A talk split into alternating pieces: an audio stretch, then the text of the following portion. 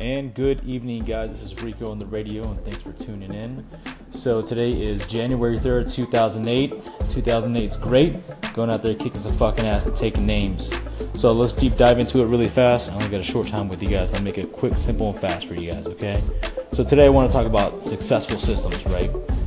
One of the things that I learned um, for every job that I've ever had, I've had the fortunate opportunity to sit next to a CEO or leadership and or some sort of ownership of the company. And one of the things that I've learned from these owners, you know, anywhere from a, a very well uh, sweet person who owned a pet resort all the way to a guy named Joe Donnelly who owns a fitness thing is they taught me, and not necessarily directly taught me, but what they showed me was systems. If you could put a system in place and allow the business to work off the system, you'll be fruitful and successful.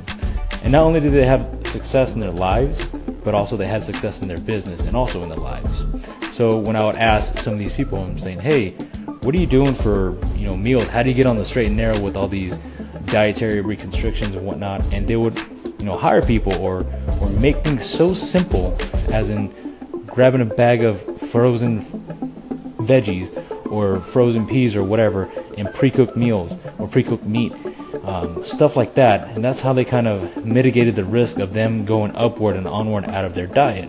And I thought, man, if you could do that anywhere in your life, systemize it, how simple would it be just to live your life and actually do whatever the hell you want? So when I didn't have a lot of money, what I would do is every Sunday I would systemize. I would say, okay, I'm going to make my meals for the week. Uh, you guys call it meal prep. I would just systemize it. Meats are cooked on this day, bag of frozen veggies are on this day, and I'll eat the same crap every damn day. However, I set that system, that oil, that fuel in the same place over and over, repetition and discipline. And I just kept going. Same with my clothes, my work clothes.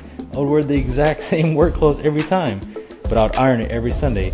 And from the hours of 8 a.m. to about 12, I was retuning and refining the system, refueling my system, so I'll be that much more successful throughout the week.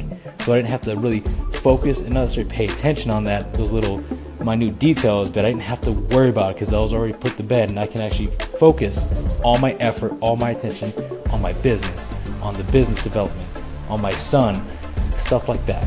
So here's what I would say is on the next tactical exercise, ask yourself, what can I do to systemize certain things?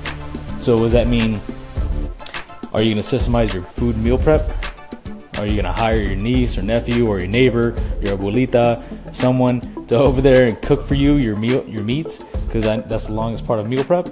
Or are you going to go out there and do a meal prep uh, excursion and try different people who meal prep and which is good. And if you have to measure out your time cost ratio, whether it's your time, whether it's your whether it's cost, which is important to you. So and also goes with your clothes and whatnot. That's what I would encourage you to do. Try that as a technical exercise. See how much time you save because obviously time is money and time is the most valuable thing you have. All right, guys. So thanks for listening to Rico on the radio, and I appreciate it. And uh, peace, love, and chicken grease. If you guys want some Amerigum, please let me know, and I can get you. I'll send you over some Amerigum as soon as possible. Uh, watch out for the next one. It's called the Red Leg, and then also the gummy bears are coming.